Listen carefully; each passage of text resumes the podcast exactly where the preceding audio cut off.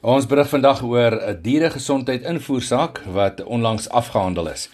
Die eh, Suid-Afrikaanse Gesondheidsprodukte Regulerende Owerheid en VTech, dit is 'n Suid-Afrikaanse veeartseny produkte maatskappy, het 'n ooreenkoms bereik oor die invoer van Trilostaan, 'n aktiewe bestanddeel wat gebruik word in die vervaardiging van medikasie vir die behandeling van Cushing se siekte.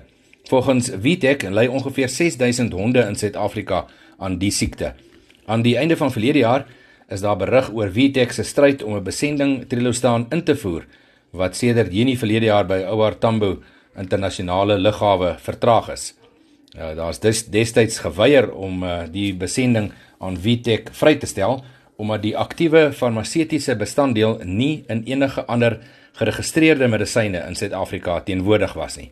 Vitex wat die stof al 'n dekade lank invoer, het volgehou dat uh, Trilostaan is nog nooit vir registrasie opgeroep nie en daarom was sekere bepalinge van die wet op medisyne en verwante stowwe van 1965, dit is nou wet 101 van 65, nie van toepassing is nie.